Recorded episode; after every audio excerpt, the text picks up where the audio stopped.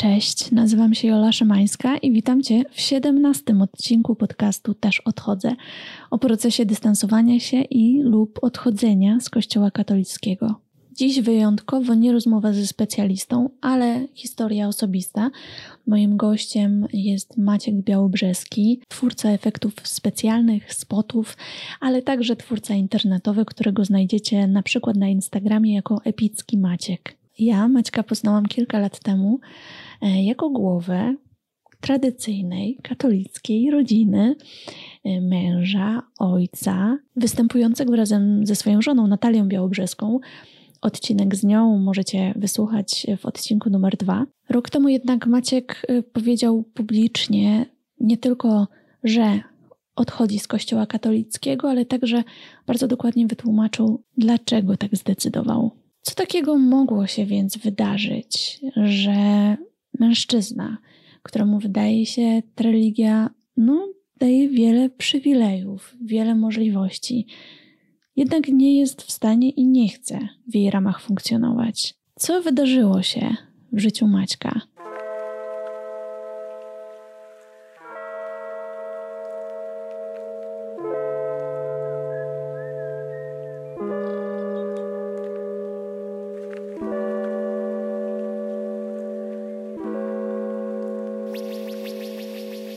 Cześć Maciek. Cześć Ola. Jak się czujesz y, przed rozmową na temat y, Twojego odejścia z kościoła?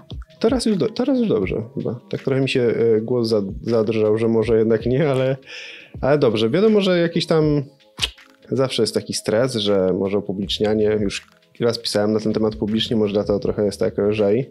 Nie jest to premierowa wiadomość, czy mm. łamiąca wiadomość, że opuściłem słodkie ramiona Kościoła katolickiego. No ale wiadomo, że inaczej jest jak człowiek wycezyluje każde słowo w swoim własnym tekście, a inaczej jak jest rozmowa i po prostu się nie, nie, spodziewasz pytań albo nie spodziewasz się, gdzie pójdzie rozmowa, tak więc to może w ten sposób taki lekki stresik, prawda? Ale to dobrze. Ale motywujący taki. Dokładnie, motywujący. Dobra, to zacznijmy tradycyjnie od początku. Jak to się stało, że, że trafiłeś do kościoła katolickiego? Hmm, zostałem ochrzczony, a potem się potoczyło dalej. Ale... Jako małe dziecko, tak?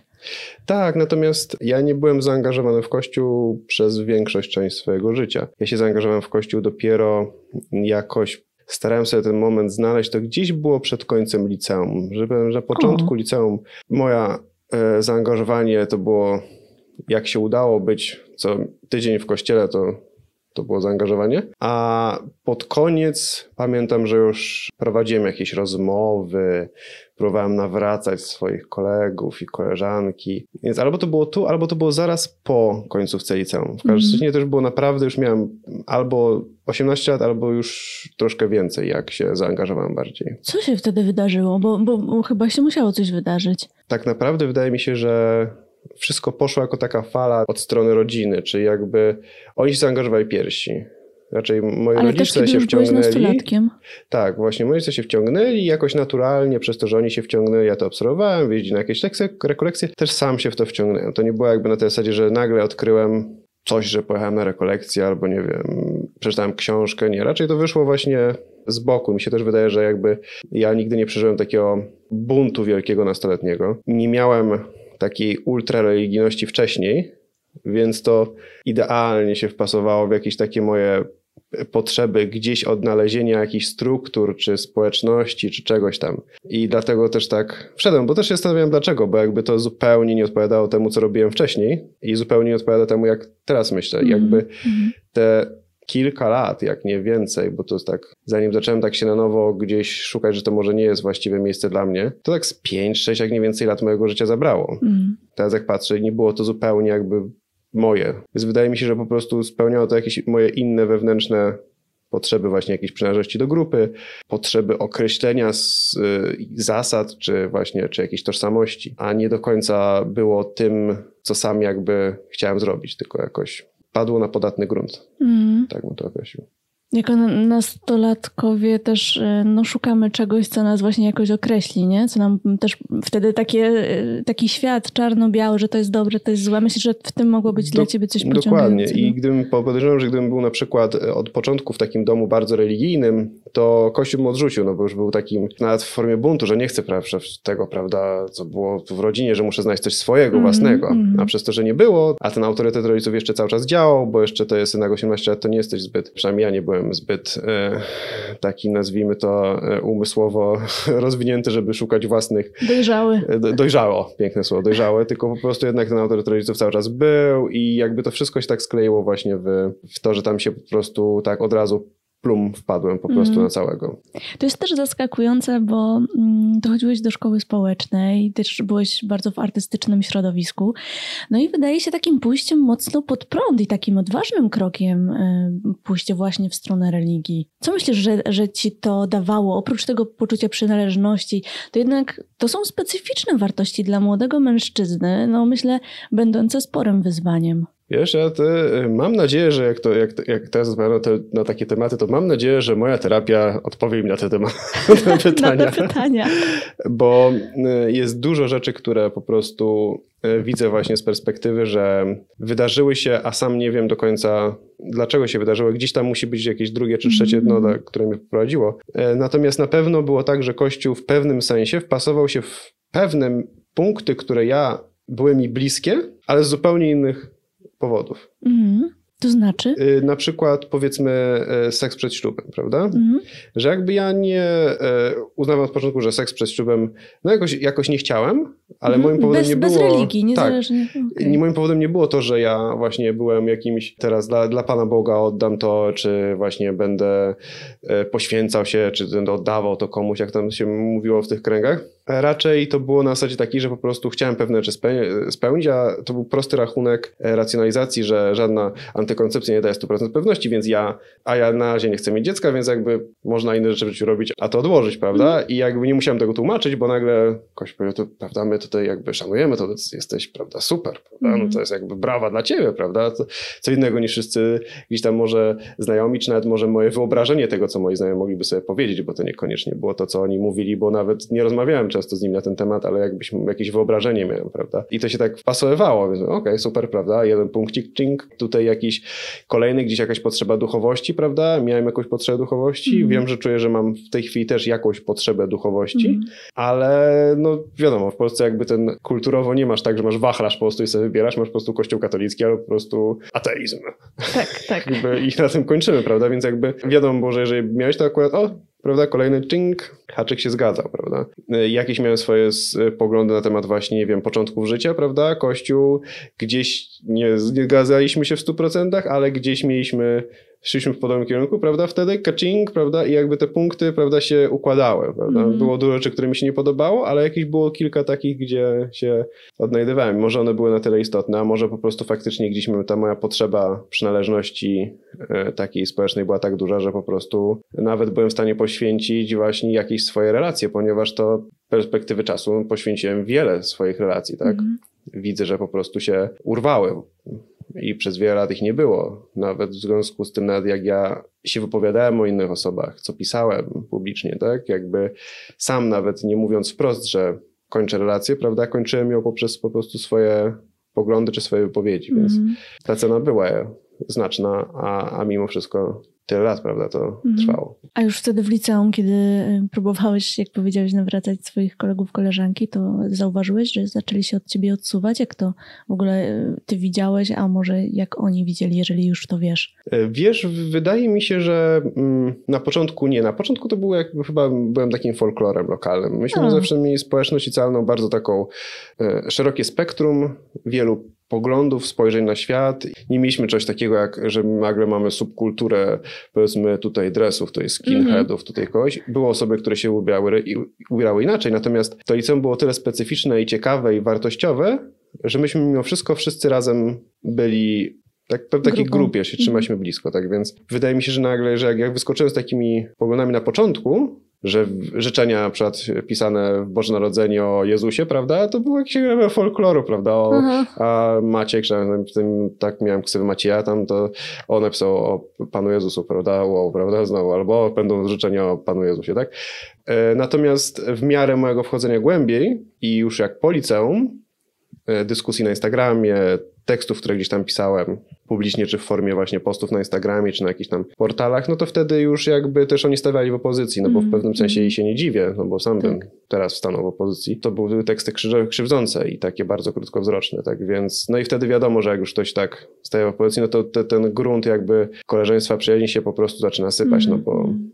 jeżeli zaczynasz w kogoś uderzać, no to nie dziw się po prostu nagle, że ktoś powie sorry, no to ja dziękuję. Mm. No jak to się stało, że zacząłeś publikować e, właśnie takie katolickie artykuły? Czy kiedy o, to się zaczęło? Wiesz, to, to jest jak, jak, jak wejdziesz w kościół, to prawda, że wiadomo, że twoją misją jest ewangelizacja, tak więc e, wszystkie swoje siły kieruj dotychczasowe umiejętności, talenty, które otrzymałeś od Boga, żeby nawracać i przybliżać coraz więcej osób do kościoła, więc jeżeli potrafiłem coś napisać, tak, no to powinienem pisać przecież rzeczy, które przyciągają ludzi. Jeżeli potrafiłem nagrywać filmy, to potraf, powinienem nagrywać filmy, które będą, nawet jeżeli nie będą ewangelizacyjne, to przynajmniej będą zgodne z zasadami Kościoła. Mhm.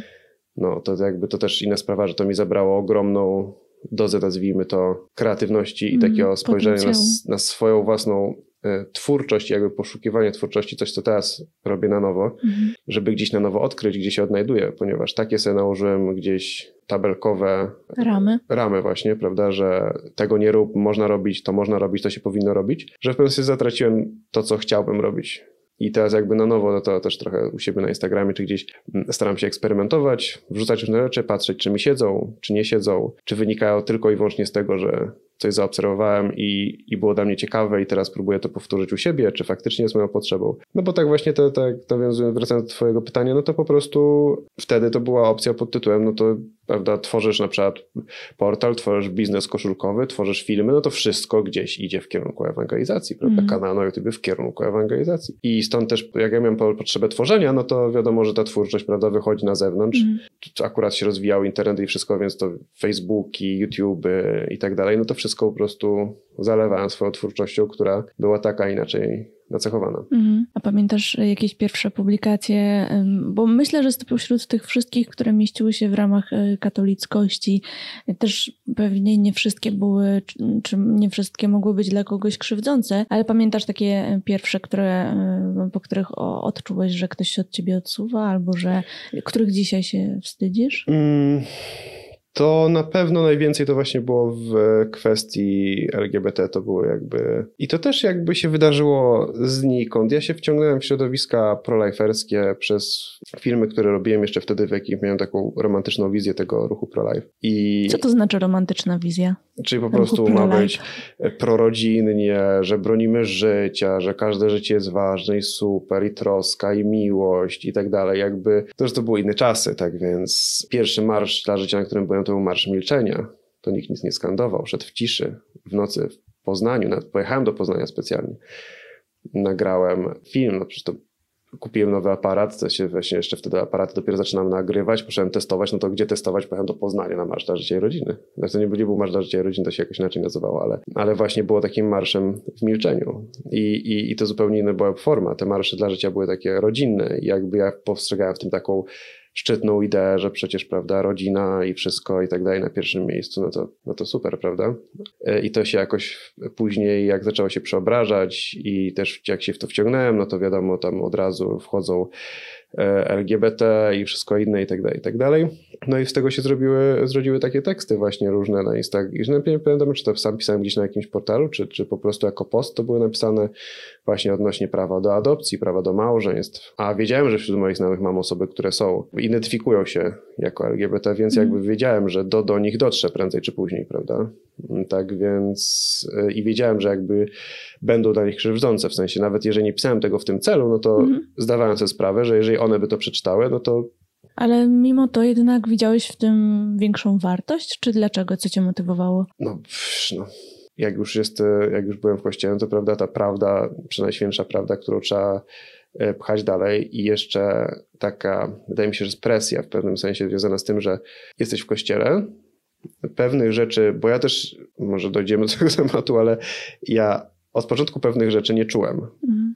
Ale odpowiedzią na nieczucie, czy na jakby uznanie to, że ja nie do końca się z tym zgadzam, to jest to, no, że to, to jest Kościół, on się zna lepiej, ty wiesz, ty po prostu masz to zaakceptować i jakby, jakby co jest dobre do akceptacji, no po prostu zamiast chować się i ze swoim zdaniem po prostu idziesz mężnie, no to może w końcu to przyjmę, prawda, pokazuje, że przyjąłem i jakby, więc napisanie takiego tekstu jest jakby takim też jednoznacznym określeniem się, jest takim podbiciem tego, że ty tak uważasz, mimo że głęboko tak nie uważasz, to sobie masz, masz nadzieję, że może gdzieś te ruchy też sprawią, że się właśnie zaakceptujesz przecież tą prawdę, jedyną prawdę, prawda? No bo to nie ma innej prawdy w kościele w sensie. Mhm. tak więc tak mi się wydaje, że w ten sposób to sobie motywowałem, że mm. mówiłem, że napiszę to, to pokazuje, że jestem po tej stronie. Czyli to była bardziej taka deklaracja i takie określenie tego, że nie wiem, osoby nieheteroseksualne nie mogą adoptować dzieci, ale czy miałeś to jakoś głębiej uzasadnione w sobie, czy próbowałeś to sobie jakoś tłumaczyć, że dlaczego nie mogą adoptować dzieci, albo dlaczego nie mogą e, wziąć ślubu?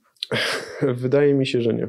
Wydaje mhm. mi się, że nie. Wydaje mi się, że to jest taki okres mojego życia, gdzie ja naprawdę jako swoje potrzeby racjonalności i ułożenia i jakby przeczytania, sprawdzenia, potwierdzenia, którą teraz mam na nowo i miałem, wiem, że miałem kiedyś, gdzieś albo zakopałem, albo starałem się mocno zignorować, mhm. albo wybiórczo używać jej, żeby odnajdywać te rzeczy, które tylko i wyłącznie potwierdzają mój, mój punkt widzenia. Znaczy punkt widzenia, który powinienem mieć. Trochę to brzmi jakbyś też wtedy bardzo potrzebował akceptacji i, i szukał jej w kościele. Tak, tak, właśnie mi się wydaje właśnie, że to gdzieś wynikało właśnie z takiej potrzeby właśnie, tak mówiliśmy na początku, z takiej właśnie znalezienia swojej tożsamości, jakby takiej grupy, gdzie się czułem dobrze i no nie oszukujmy się, w kościele yy, i w ogóle prawicowość wyraża o wiele mniej twórców, niż e, lewicowość. A w więc, środowisku artystycznym rzeczywiście. Tak dokładnie, tak więc jeżeli mhm. ktoś, kto ma jakieś e, talenty, potrafi coś nagrywać, tworzyć i tak dalej, nagle się odnajduje po prawej stronie, to naturalnie będzie miał samą pochwałę, bo nagle wpada ktoś, kto potrafi zrobić wow rzeczy, w naszym świecie, no to prawda, samym brawa, no to jest jakby e, super, a że potrafiłem zrobić wiele rzeczy i, i samodzielnie, i szybko, i, i sprawnie, i to super wyglądało, to nagle, come on, no brawo, prawda, no jakby też czujesz się dobrze, prawda, w swoim poklepane po plecach. No tak. Mówiliśmy, czy mówiłeś o zasadach e, różnych i o różnych przekonaniach, a mimo, że może mogłeś tego nie czuć, to czy w jakiś sposób wierzyłeś w Boga i na ile ten Bóg był ważny i kim był ten Bóg wtedy? Bóg był chyba dla mnie tym czym jest nadal. W sensie ja nie miałem, albo tak sobie przynajmniej zdaję, postarałem się jakby odnaleźć ten taki wizję Boga, którą się roztacza na rekolekcjach. To też w ogóle był shitowa, że tak powiem, że uży, użyję takiego słowa, e, sytuacja, że ja wpadłem nie w, w jakiś powiedzmy dominikański ośrodek liturgiczny, w tym mm. momencie, tylko wpadłem w takie hardkory raczej, takie hardkory typu egzorcyści, typu coś tam, mm. ten taki kościół powiedzmy uduchowiony do kwadratu. Więc to też miało swoje jakby dalsze konsekwencje. I ten obraz mój Boga, jakby, który u siebie miałem w sobie, no zdecydowanie nie był tym obrazem Boga, który był tam prezentowany. Ja jakby moja relacja z Bogiem wcześniej, przed tym w cudzysłowie nawróceniem, to była raczej taka relacja po prostu jakiejś wizji absolutu, i mnie, którą w jakiś sposób tam się komunikowałem, czy w myślach rozmawiając, czy leżąc wieczorem, to nie było jakby, tam nie było formy modlitwy, nie było formy różańca, nie było formy czegokolwiek, po prostu jakaś tam forma rozmowy i on nie miał norm, ram i wszystkiego.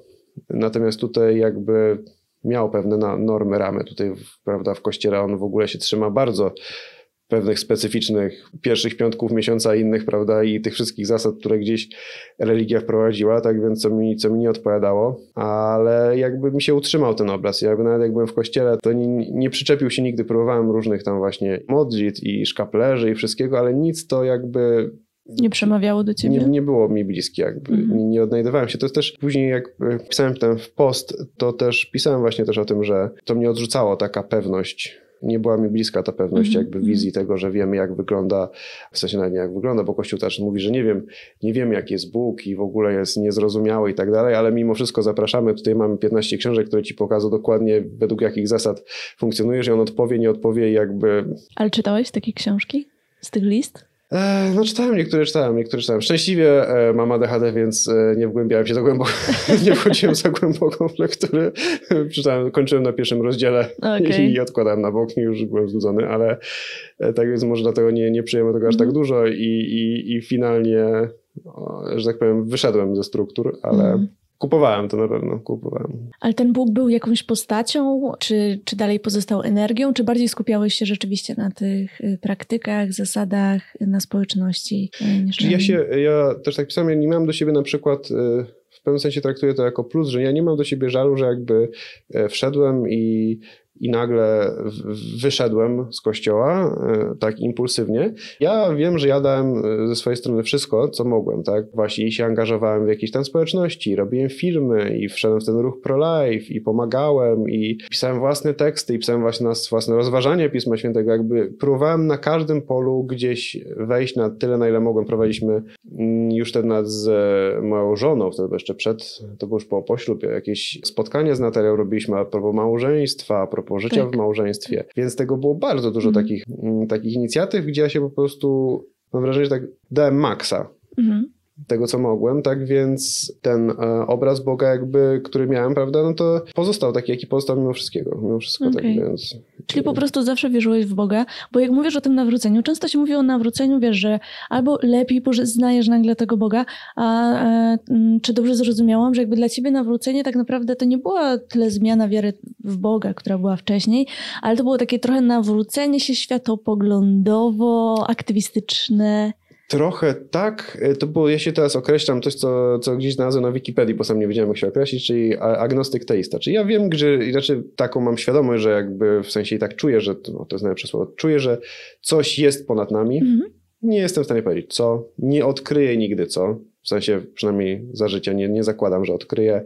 I jakby akceptuję to, że nie wiem, czy faktycznie mam rację, czy nie mam tej racji, tylko po prostu sobie żyję i mi jest z tym dobrze, tak mi było dobrze wcześniej, czyli po mm. prostu, że nie, nie nakładając na to ramy czuję się bardzo dobrze. Mm, mm. To, że na przykład nie mam poczucia winy, że nie mam relacji w cudzysłowie z absolutem przez rok na przykład, bo zupełnie jej nie potrzebowałem, a to, że nagle mam przez miesiąc, a później znika, nie jest dla mnie zupełnie wykładnią tego, czy właśnie się mhm. angażuję, czy mam bogate życie duchowe, czy może za mało się modlę, czy powinien się z tego wyspowiadać, czy nie. Tak więc teraz ta niewiedza dała mi taki komfort tego po prostu poniekąd, że, że jest mi lepiej ze sobą po mm. prostu funkcjonować, a nie, a nie próbować to wszystko właśnie ułożyć według jakichś mm. regułek. Tak więc też nie wiem, wiesz, no, ja e, jestem na tym etapie, że akceptuję, że mnóstwo osób może mieć zupełnie inaczej i jakby ich potrzeba w ogóle posiadania takiej relacji, posiadania bycia przynależności właśnie w religii, w ogóle religijności, takiej ustrukturyzowanej duchowości, tak to nazwijmy,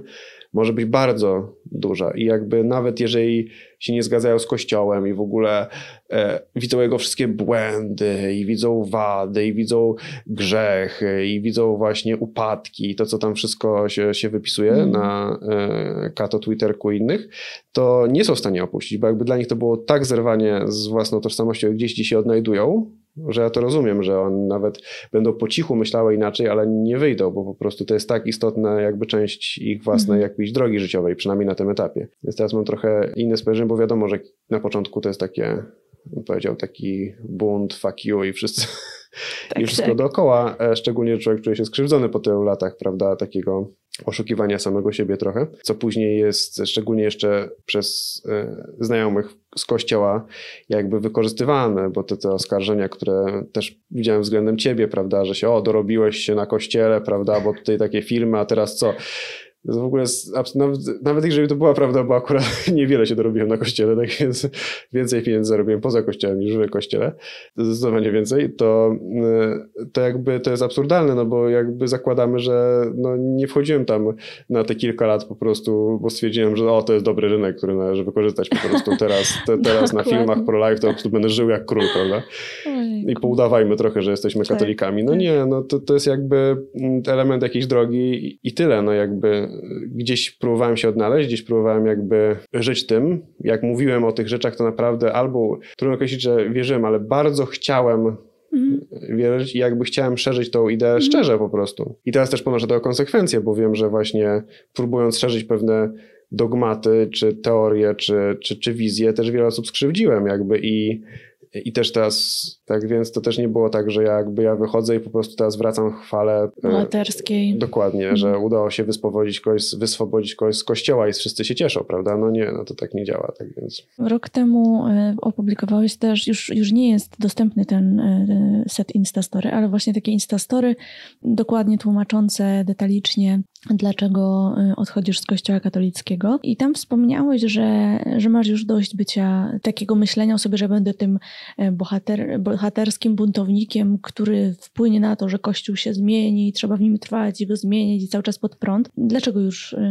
nie chciałeś być, być tym buntownikiem w środku kościoła? To jest tak, że jak właśnie jak nawiązując do jeszcze początku naszej rozmowy, że właśnie, że pewne myślenie miałem od początku inne, inaczej patrzyłem na świat, chciałem być w kościele, prawda? Natomiast wydaje mi się, że te wydarzenia, które się zadziały w kościele i wokół kościoła mm, przez ostatnie mm, kilka, były taką trampoliną, którą pozwoliła mi jakby trochę otrzeźwieć w tym myśleniu. I jeszcze wtedy miałem taką, prawda, jak wchodzisz, prawda, masz nadzieję, nie wiem, czy ty miałeś, ale ja tak miałem przynajmniej, że właśnie, że teraz przyjmę te wszystkie prawdy, że to dojdę do tej takiego zrozumienia, że zaakceptuję wewnętrznie nawet, nie tylko tyle, że będę mówił o tym, że na przykład właśnie osoby LGBT nie powinny brać ślubu, to w końcu dojdzie do mnie ta świadomość, dlaczego to, żebym tak poczuł, tak, prawda? Tak, tak. No nie doszła, ale nadal nie, nie, nie, nie było to dostatecznie dużo, żebym opuścił. Mhm. Ale w momencie, w którym nagle zaczęły się dziać które, rzeczy, które, gdzie ja dostrzegałem, jak wiele krzywdy się dzieje w tym środowisku, jak to bardzo środowisko zaczyna nas, można powiedzieć, że skręcać w prawo, to jest bez sensu określenie, że jakby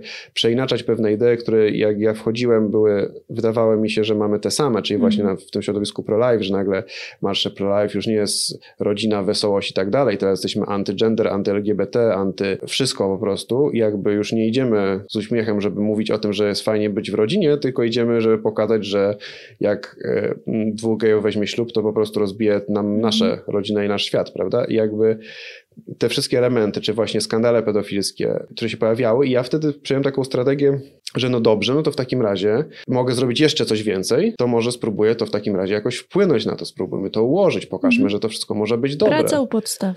Dokładnie. I, i, ten, te listy do episkopatu, y, otwarte, jakieś pisane przez świeckich katolików, w którym się podpisywałem, i jakby jakieś takie myśli, pisanie właśnie wprost o pewnych rzeczach, i nagle się okazało, że to gówno daje, no.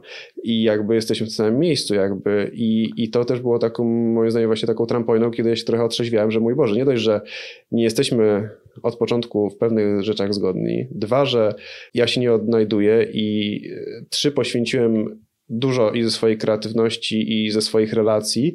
To jeszcze teraz cztery mamy swoje, mamy, pojawiały się jakieś skandale, na to ja nie mam wpływu w ogóle, muszę teraz jeszcze, jeszcze muszę zaakceptować teraz to, że są te skandale i że nic nie jestem w stanie z tym zrobić i po prostu taki już jest Kościół i i sorry, nic nie zrobimy, no to to już jakby było dla mnie zdecydowanie za dużo i to też mi pozwoliło po prostu stanąć nagle i powiedzieć, że dość, prawda, że gdzieś, gdzieś, ta, gdzieś ja też muszę mieć swoją granicę po prostu. Mm. A miałeś moment, w którym, y, żeby, żeby tak pomyśleć, że no dobrze, to może skupię się na innych rzeczach, nie będę tak dużo myślał o tych skandalach, w kościele nie. jest Bóg? Nie. nie przemawiały do ciebie te wszystkie argumenty? Nie, nie, właśnie ja zawsze byłem takich raczej, e, raczej jestem działający, znaczy jak jest mm. problem, to trzeba go rozwiązać i jakby mm. i w momencie, w którym ktoś zabrania mi go rozwiązać, albo mi mówi, że nie będziemy go rozwiązywać, ponieważ no nie da się, no bo są biskupi, no nikt nie może nic zrobić z biskupami poza papieżem, no to jest jakby, no oczywiście, no przecież ty nie możesz jakby Koświecki oprócz listu napisać nic nie zrobić, który zostanie olany i no to wtedy sobie stwierdziłem, że no to nie, to jest jakby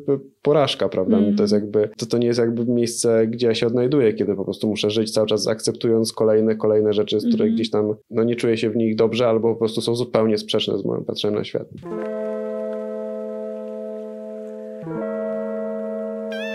Ten podcast nie mógłby powstać bez wsparcia moich matronek i patronów w serwisie Patronite, dlatego każdy odcinek jest dla nich dostępny z tygodniowym wyprzedzeniem. Jeżeli tylko chcesz wesprzeć moją pracę i poznać innych ludzi, którym na niej zależy, możesz do nich dołączyć na patronite.pl/jola Szymanska. Zapraszam. Na tym Instastory też, też wspomniałeś o takiej scenie w filmie Spotlight, scenie, które, którą ja też jakoś sobie mocno, mocno we mnie została, e, kiedy Mike Rezendez stojąc na ganku mówi, że mimo iż nie chodził od dawna do kościoła, to zawsze miał taką nadzieję, że może kiedyś wróci. Nadzieję, której się trzymał, ale gdy skonfrontował się z prawdą o ukrywaniu pedofilii w kościele, to coś się w nim złamało. To gówniane uczucie, podsumowuje. Tak napisałeś. Jak się czułeś wtedy, kiedy uświadomiłeś co się dzieje w kościele katolickim w temacie pedofilii a, i co się nie dzieje właściwie. Znaczy inaczej się patrzy, mam wrażenie, że inaczej się mi patrzy teraz z perspektywy bycia tatą czwórki dzieci. Mm. Inaczej się pewnie patrzyło wcześniej. Gdyby może to się wydarzyło wiele lat temu, to bym inaczej na to spojrzał. Teraz z perspektywy właśnie posiadania własnych dzieci, no to jest, e, psuje taki, e, taką wizję, no bo ja tak, tak, tak wchodziłem na początku do kościoła i właśnie z takimi wizjami, że takiej przynależności do grupy, że to jest fajne, no bo to nawet jest takie pocztówkowe, to jest takie amerykańskie, też się pojawia w filmach, wspólnota. Jeszcze powiedzmy w Polsce tak nie istnieje, ale jakbyśmy nad Stanach z Natalią jeszcze jako wierzące osoby w kościele katolickim, później jakieś ciasto po, po mszy, zaproszenie, mm. gadanie, wszyscy mili, czujesz się dobrze. I jakby gdzieś taka potrzeba cały czas była jakby by we mnie wtedy, że, że chciałem, żeby, żeby tak to wyglądało. I miałem taką nadzieję, że może gdzieś tam się właśnie na tych odnajdziemy, ale kiedy, kiedy ja mam zaakceptować to, że właśnie mam posłać na przykład swoje dzieci do jakichś tam e, odłamów tej instytucji, czy to właśnie w formie jakichś tam wyjazdów, czy rekolekcji, czy czegoś i i wiadomo, że wszystko się może wydarzyć. I w jakich takich, ale że i, i w świeckich, i nieświeckich, i innych instytucjach nie, nie ma idealnych miejsc. Ale kiedy wiem, że później trybiki tej machiny nie staną w mojej obronie albo w obronie dziecka, no to ja nie jestem w stanie tam posłać. Ja mm. już wtedy, wtedy widzę, że to wszystko się sypie, to jakby nie będzie tej jakby pocztówkowej wizji e, fajnej, e, fa, fajnej społeczności, że nie będzie jakby, nawet nie, że pocztówka, ale nie będzie w ogóle jakby społeczności, kiedy ja wiem, że nie mogę po prostu liczyć na wsparcie tej społeczności. I to też się pojawia później, jak słuchałem relacji innych znajomych, e, których, których coś spotkało. Złego w kościele. Złego w kościele i którzy nie byli w stanie wywalczyć po prostu, nie że zadośćuczynienia finansowego, czy mm. nie byli w stanie wywalczyć tego, żeby ktoś stanął w ich obronie. No to, to jakby skreśla ideę wspólnoty, tak? To po prostu mamy jakiś autorytaryzm biskupów, księży, kogoś tam po prostu, który trzeba zaakceptować i, i, i żyć i może po prostu ktoś cię poklepie po, po plecach, o ja też tak miałem. Mm. To współczuję ci, rozumiem cię, no. no ale nic z tym nie zrobimy. Jest jeszcze coś, czego cię bycie tatą nauczyło o Kościele wierze? To w ogóle było też takie doświadczenie, które zmieniło trochę twoje myślenie e, Na o religii? pewno wiadomo, że budujemy swoje swoje spojrzenie o to, jakim powinien być ojciec z różnych, e, tak powiem, źródeł. Można powiedzieć, że najsilniejsze, prawda, to jest to, to, jaki mamy obraz swojego ojca, ale też ja zawsze byłem mocno podatny na takie, powiedzmy, inspiracje z zewnątrz. Czy w kulturze, czy u innych osób, czy w historiach, czy w opowieściach. I jakby ja gdzieś tam swój obraz e, ojca posklejałem z różnych, z różnych fragmentów. I na pewno w momencie, w którym się z nim stałem faktycznie, to bardzo mocno wpłynęło to, kiedy to zdarzyłem z tym, jaki gdzieś miałem swój obraz, a jak faktycznie to wygląda, no jak się staje przy tym dziecku i coś trzeba zrobić. I taki właśnie taka surowość, czy twarda ręka, jak to się mówi, no to bardzo szybko się okazało, że jakby mm, to nie jest to, jak ja postrzegałem swoje ojcostwo właśnie tak w rzeczywistości. To na przykład właśnie, że, że ja będę karał dziecko za to, że ono coś zrobiło, bo poszukiwało czegoś albo próbowało czegoś, że wy, wyłączam w ogóle myślenie o jakby traktowaniu dziecka w ogóle jako y, takiej istoty, która jakby nie jest, nie, nie jest bezbłędna, czy próbuje, czy właśnie poszukuje i coś zrobi głupiego, tak? I nagle próbuje gdzieś znowu się odnaleźć i ja w tym momencie mam powiedzieć, że nie, że prawda. Potępiam cię czy cię pociępiam, czy już nie chcę być teraz kocie, czy to, teraz musisz coś zrobić, żeby zasłużyć na moją miłość, mm -hmm. prawda? Moje myślenie się zmieniło, prawda, że właśnie jeżeli, jak się buntujesz, jak się wkurzasz, krzyczysz, jesteś zdenerwowany, zirytowany, nawet jak jesteś agresywny, to jest, jest ten moment, w którym ja powinien do ciebie przyjść i ci powiedzieć, że jest okej, okay, prawda, że, że, że jest dobrze, że to jest ten moment, kiedy ja wychodzę do ciebie, a nie kiedy ty musisz teraz na nowo wrócić na ścieżkę i, i, i będzie ok. Teraz wiadomo, że można było słyszeć komentarze katolicki, nie, Bóg jest miłością, przecież leczymy chorych, prawda, nie. No ale wiadomo, jesteś w grzechu ciężkim, nie możesz iść do komunii, tak? to jest jakby dla mnie nagle się stało absurdem, tak, że jakby dlaczego na relacje, że dojść do relacji muszę przejść przez przyznanie swoich win jakby.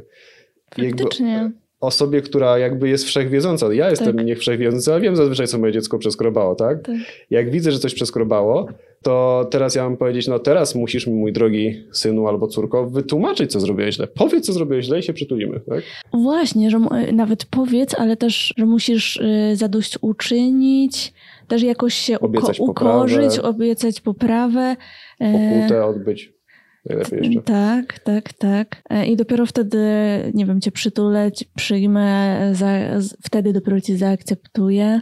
No to, to jest jakby się, się tak bardzo szybko zmienia, jakby w momencie, w którym właśnie masz swoje dziecko i widzisz, że jakby nie potrzebujesz tego, prawda? Nawet mm. ja jako stworzenie w cudzysłowie idealna, to mamy miłość tak, idealną, prawda? Tak, tak. I ona potrzebuje, jak ja nie potrzebuję na swoim po prostu mm. poletku, nie potrzebuję czegoś takiego, po prostu mówię, no to chodź, prawda? Widzę, że coś, coś zrobił nie tak, tak, czy zrobiła nie tak, no to, to jakby chodź, przytulimy się, pogadamy i porozmawiamy, mm. tak? A nie, że jeszcze ja będę oczekiwał teraz, że ty będziesz, obiecasz mi poprawę, no to jest jakby, i jeszcze bym się wywiązywał się z tego i, i sprawdzał, czy, czy na pewno, no wiem, że jakby cię wychowuje, daje ci swoją miłość, więc jakby idziemy w dobrym kierunku, tak? I jednemu dziecku zajmie tyle, drugiemu zajmie tyle, no ale no też tak. jakby to jest zupełnie inna kwestia właśnie w tematu w ogóle spowiedzi, który jakby dla mnie od samego początku był nie tak. Ja pamiętam, że jak żeśmy z Natalią się poznali, mm. to zarówno właśnie ja różne rzeczy wyciągałem, bo ja właśnie cały czas mój racjonalizm gdzieś tam się od dołu przebijał po prostu i walił mm -hmm, po mhm, prostu, mm -hmm. że tam, kurwa, co tam się dzieje, prawda? I jakby ja miałem coś takiego, że po prostu myśmy wracali do tych samych tematów i jakby ja, ja, ja wracałem, bo ja nie rozumiałem, nie byłem w stanie znaleźć odpowiedzi, szukałem, rozmawiałem, jeździłem na rekolekcje i kurde, nic nie, nie dawało i nadal nie potrafiłem zrozumieć, dlaczego właśnie mam iść i wyznać swoje grzechy, co jakby nic we mnie nie zmienia. Nie zmienia, bo jakby to nie wpływało na, na to, żebym ja na co opracował. Jeżeli ja wpadałem mhm. w grzech z jakiegokolwiek powodu, jakiś tam grzech powiedzmy, bo byłem żad wkurzony, agresywny, nie, źle się zachowałem względem kogoś. Z jakiegoś powodu to się wydarzyło. Idę do spowiedzi, nie dojdziemy z jakiego powodu to się wydarzyło. Dojdziemy do tego, że się wydarzyło. I że teraz muszę odmówić to, to, to i to, i czekać na moment w cudzysłowie, aż znowu to się wydarzy, bo na pewno się wydarzy, bo przecież mhm. nie rozwiązaliśmy żadnego problemu, tylko i wyłącznie rozwiązaliśmy problem pod tytułem, żeby Pan Bóg się nie obraził na nas. Mm. Tak więc to jest jedyny problem, który żeby rozwiązaliśmy. Dokładnie, żeby nie był zły. I to jest super, rozwiązaliśmy to, mamy to. Nie jest, prawda? Iść do komunii, ale mm. jakby znowu później będę wkurzony, znowu będę zły, znowu coś powiem nie tak czego nie powinienem powiedzieć. I tyle. I nagle jakby, kiedy e, teraz mam taki kontrast między tym, jak chodzę na terapię i nagle się okazuje, że idę do kogoś, kto nie oczekuje ode mnie, że będę mu tłumaczył, dlaczego byłem zły i prosił o, o przeproszenie, żeby on mi dał pieczątkę, że, e, że okej, okay, jest wybaczone, tylko zadaję mi pytanie, dlaczego? Zrozummy to, jakby dlaczego byłeś zły? Jakby nie, że byłeś zły, bo zgrzeszyłeś, tylko dlaczego byłeś zły? Skąd to się wzięło, tak? Co się wydarzyło? Mhm. Dokładnie. Dlaczego uważasz, że no w ogóle to jest złe na przykład? Dlaczego uważasz, że jak jesteś zły w ogóle, samo to, że jesteś zły jest, jest złe? Że prawda? czujesz złość, Dokładnie. tak? Dokładnie. I to, i to mhm. już jest, jest złe, że jesteś wkurzony. Skąd to się wzięło w twoim życiu? Mm. Gdzie się takie, taka wizja ciebie, że po prostu masz nigdy nie być zezłoszczony się pojawiła? No to są jakby, nagle się okazuje, że możemy takie tematy rozmawiać i dojść do tego i ja mam faktyczną możliwość, żeby wyprowadzić się na jakąś sensowną mm drogę, a nie po prostu w kółko przez lata po prostu chodzić, liczyć na łaskę po prostu tego, że nagle to się samo rozwiąże. Mm. A wierzyłeś w to, że samo e, uczucie złości jest grzechem? E, raczej e, nie patrzyłem to pod kątem grzechem, aczkolwiek się spowiadałem z tego, natomiast...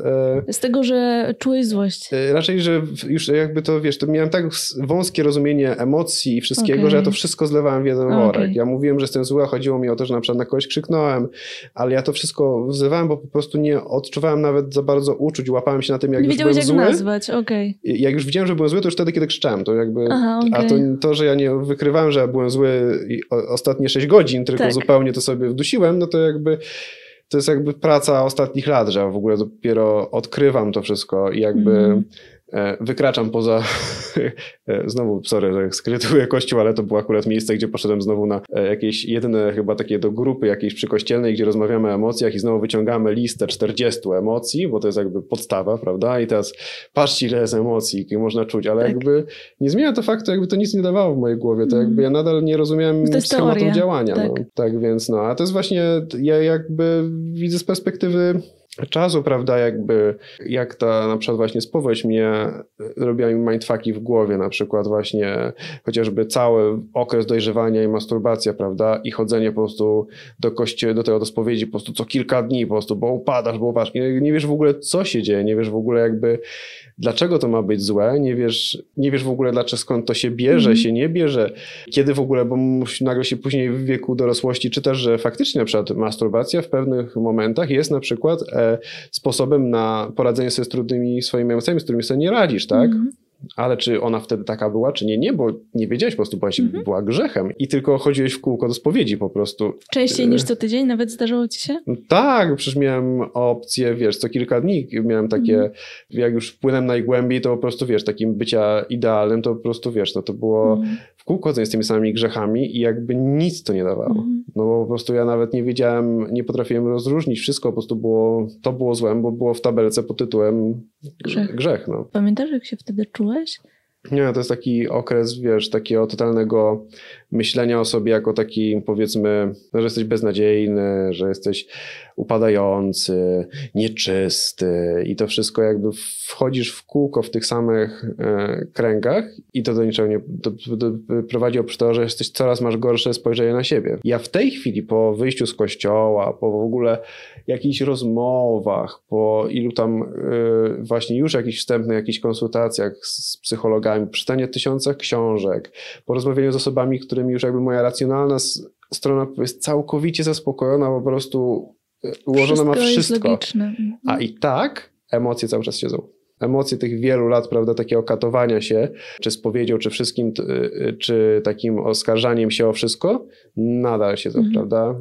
I jakby, i teraz, teraz widzę, prawda, ile jeszcze będzie prawda, drogi, mm. zanim, jeżeli w ogóle dojdę do faktycznie tego, żeby, żeby po prostu to mi nie wpadało do głowy, a może się zdarzyć tak, że po prostu będzie mi wpadało już do końca życia, bo mm. jakby to jest tak silny, emocjonalny coś, co się wydarzyło, że jakby trudno się od tego odciąć, jakby, że najlepsze, co mogę liczyć, to jest to, co, co teraz staram się robić, czyli po prostu zauważanie tego, jakby świadome patrzenie, że tak, to się wzięło stąd, prawda, okej, okay, możemy to sobie odłożyć, prawda, się starać po prostu odłożyć to na bok, że to jest się wydarzyło, ale to nie jest tak. Mm. Do dziś wracają do ciebie czasem takie rzuty tych e, emocji, wstydu i, i lęku z tamtych czasów? Tak, poczucia winy, wiesz, i to nie tylko właśnie na polu seksualnym, ale na, na, na różnym polu mm. właśnie tego, co mówiłem, co robiłem, na pewno chciałbym gdzieś na swojej drodze zrobić, e, przynajmniej mam taki cel, zrobić gdzieś jakimś swoim filmie, który chciałem po prostu tak oficjalnie, tak otwarcie przeprosić. Ja starałem się w wielu miejscach mówić i pisać i w postach, e, przepraszam Instagramie, ale mieć jakieś coś, gdzie ja po prostu się e, odetnę, bo ja mam takie, wiesz, takie flashbacki takich na przykład rozmowy z moim przyjacielem, wracaliśmy z samochodem skądś i rozmawialiśmy na temat właśnie ślubów homoseksualnych, prawa do adopcji i to był taki pierwszy moment, gdzie on miał takie powiedzmy bardziej liberalne spojrzenie i mówił, że jakby co w tym jest złego, a ja mu, mu, tłumaczyłem według tego wszystkiego, co się nauczyłem przez te lata w kościele i miałem taki po raz pierwszy taki moment, gdzie tak sobie wyleciałem nad głowę i jakby tak stałem, co ty pieprzysz? Po prostu jakby... Wtedy, tak, już wtedy. Już wtedy po prostu jakby, co, co ty pieprzysz? Jakim ty jesteś etapie? Sam siebie nie jesteś w stanie przekonać do tego. Jakby jak masz e, przekonać e, drugą osobę mm. jakby. I, I takich momentów mam w swoim życiu mm. dużo, do które gdzieś tam mi w głowie utkwiły, prawda? I, i teraz wiesz, jak, jak patrzę i, i właśnie ta racjonalna strona się nam dobiła i mi patrzę i sobie pokazuje, prawda, że to jest ok, że to jest, to jest ok, że jakby nie ma argumentów do tego, że właśnie e, powiedzieć, że e, powiedzmy śluby homoseksualne na cokolwiek zmienią, tak? Mm.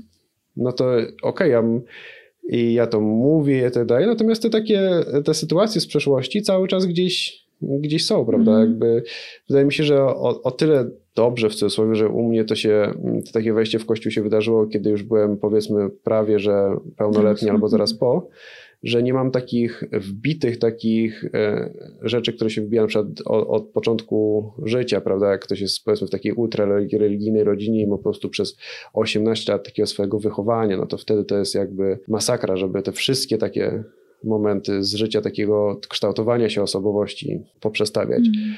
Natomiast tutaj, e, tu, tutaj i tak, no to jest jakby takie powiedzmy, że dojrzewają też wchodzenie w mhm. świat dorosłości, jakby ten świat, wchodzenie w świat dorosłości był skrzywiony I teraz też to, to skrzywienie po prostu cały czas czuć po latach. Jak wygląda w ogóle ten proces u ciebie wychodzenia z takiego myślenia, chociażby o osobach LGBT? Jak wyglądał ten proces od momentu, kiedy starasz się y, jak najbardziej w to uwierzyć i znaleźć argumenty na to, że, nie wiem, śluby dla osób LGBT w jakikolwiek sposób, że, nie wiem, coś jest w tym nie tak, do momentu, kiedy zastanawiasz się, jak w ogóle mogłeś tak myśleć? Ja się zastanawiam nad nie jak mogłem tak myśleć, tylko jak mhm.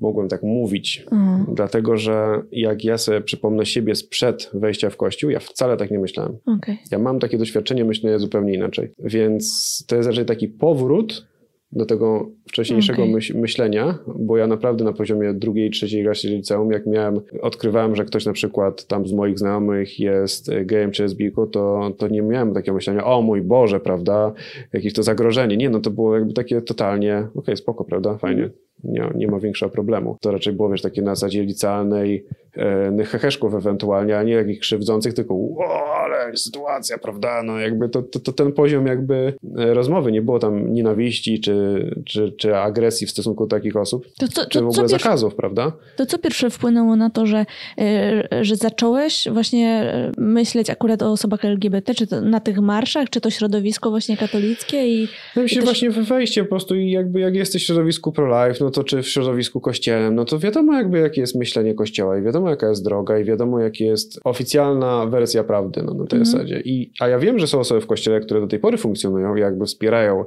E, małżeństwo homoseksualne, a jednocześnie chodzą do kościoła i jakby są w stanie to odseparować jedno od drugiego. I mimo, że nawet w dokumentach kościelnych i w katechizmie jest powiedziane co i co jest i tak dalej i, i chodząc do kościoła akceptują to mm -hmm, i, mm -hmm. i wyznają wiarę i, i, i mówią niby wprost, że wierzę w jedyny święty, powszechny apostolski kościół, tak? Nie właśnie w Boga, tylko w kościół, mm -hmm, tak?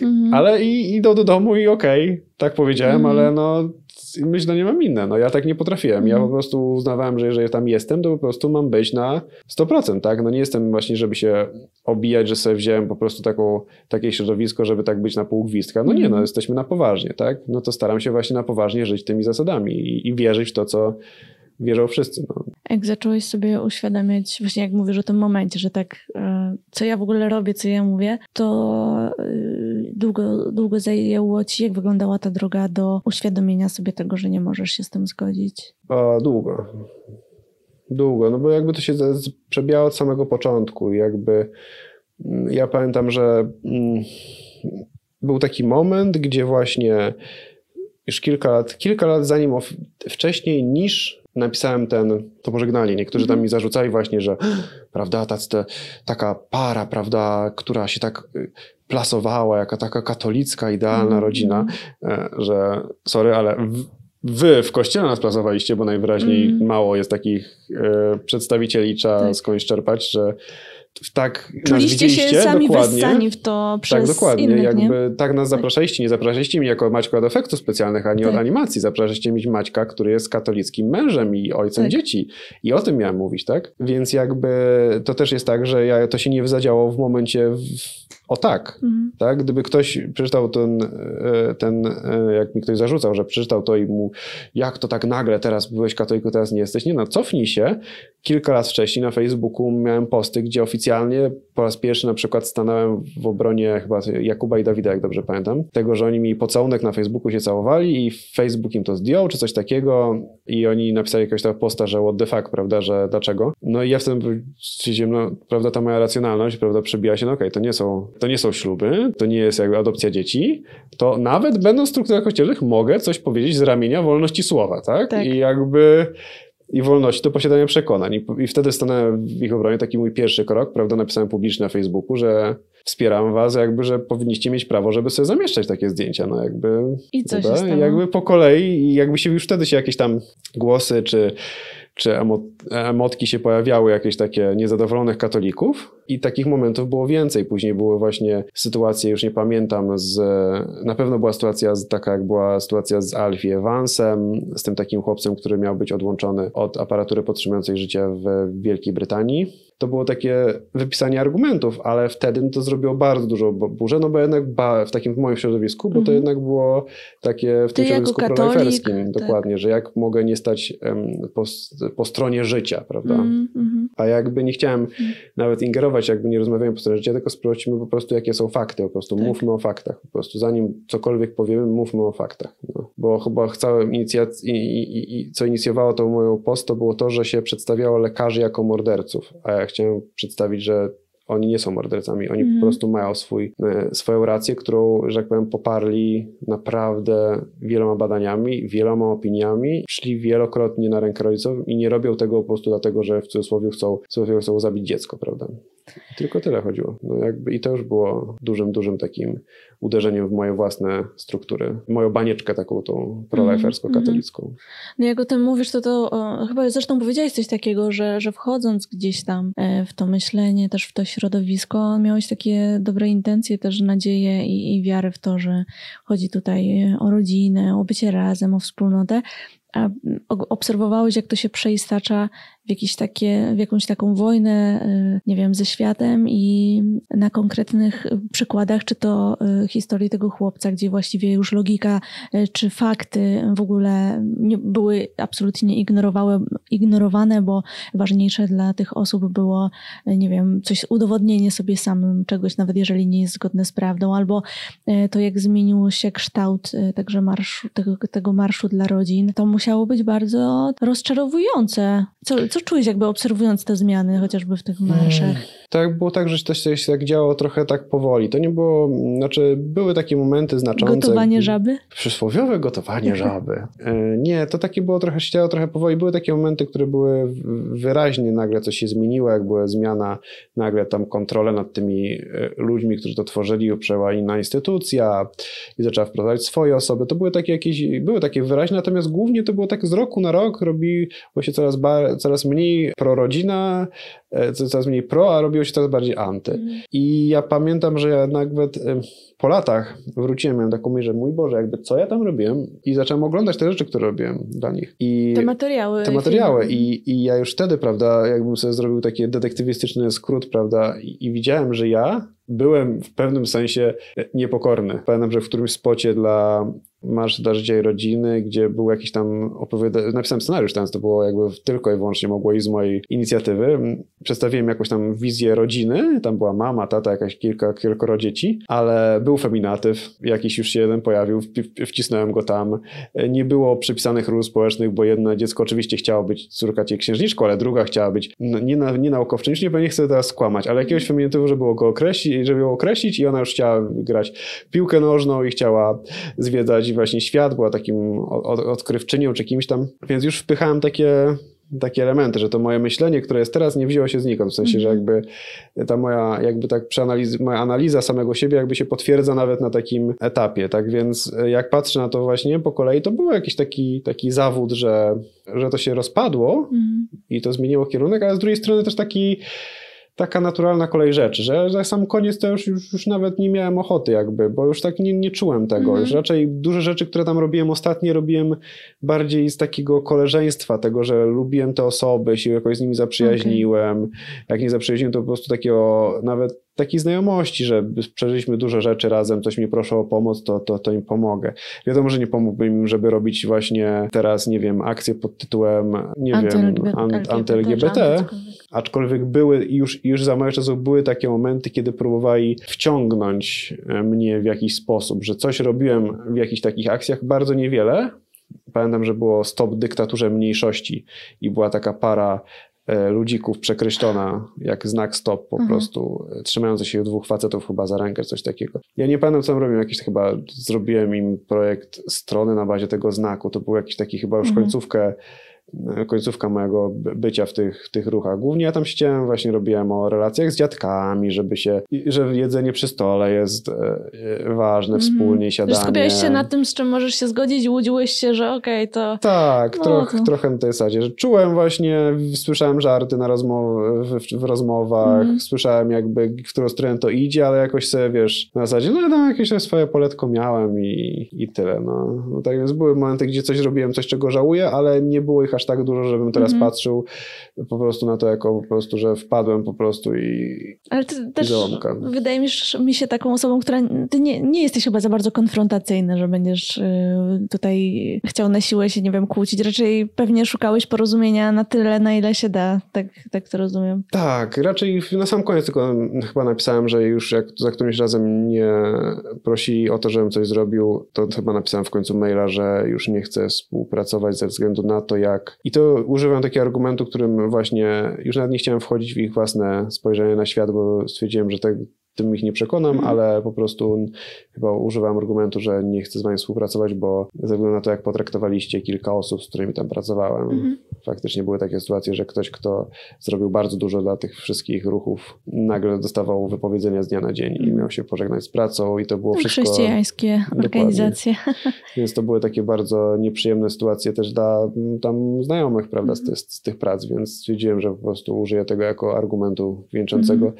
No bo tak, ja nie jestem taką osobą, która gdzieś e, potrafię powiedzieć, że nie, dziękuję. Mhm. Ale nie, nie, nie staram się toczyć bitew po prostu, szczególnie tych bitew, które wiem, że e, nic nie zmienią, a tylko i wyłącznie doprowadzą do jakiegoś konfliktu. Mhm ale efekt będzie taki, że i ja, i oni zostaną przy swoim zdaniu. Uważam, że to jakby długofalowo nic nie zmieni, jakby, w, a chciałbym, żeby coś się zmieniło. Mm -hmm. Więc lepiej mi powiedzieć, że dziękuję i swoim przykładem coś pokazywać, niż na dzień dobry właśnie kogoś zjechać, czy właśnie, bo mówimy o takiej sytuacji, gdzie po prostu faktycznie bym po prostu wszedł taki otwarty konflikt, mm. nie, mhm. nie na zasadzie, żeby komuś powiedzieć, jak myślę, tylko po prostu na zasadzie, żeby teraz się pokłóćmy, no to wtedy już jakby te czasy mam za sobą. Mm. Kłócenia się w internecie, jakby wydaje mi się, że miałem taki okres, ale... Tak? Tak, tak, tak. Miałem dawno temu taki okres, że się kłóciłem i toczyłem dyskusje i na argumenty. Też nigdy takie bardzo atakujące, aczkolwiek były złośliwe.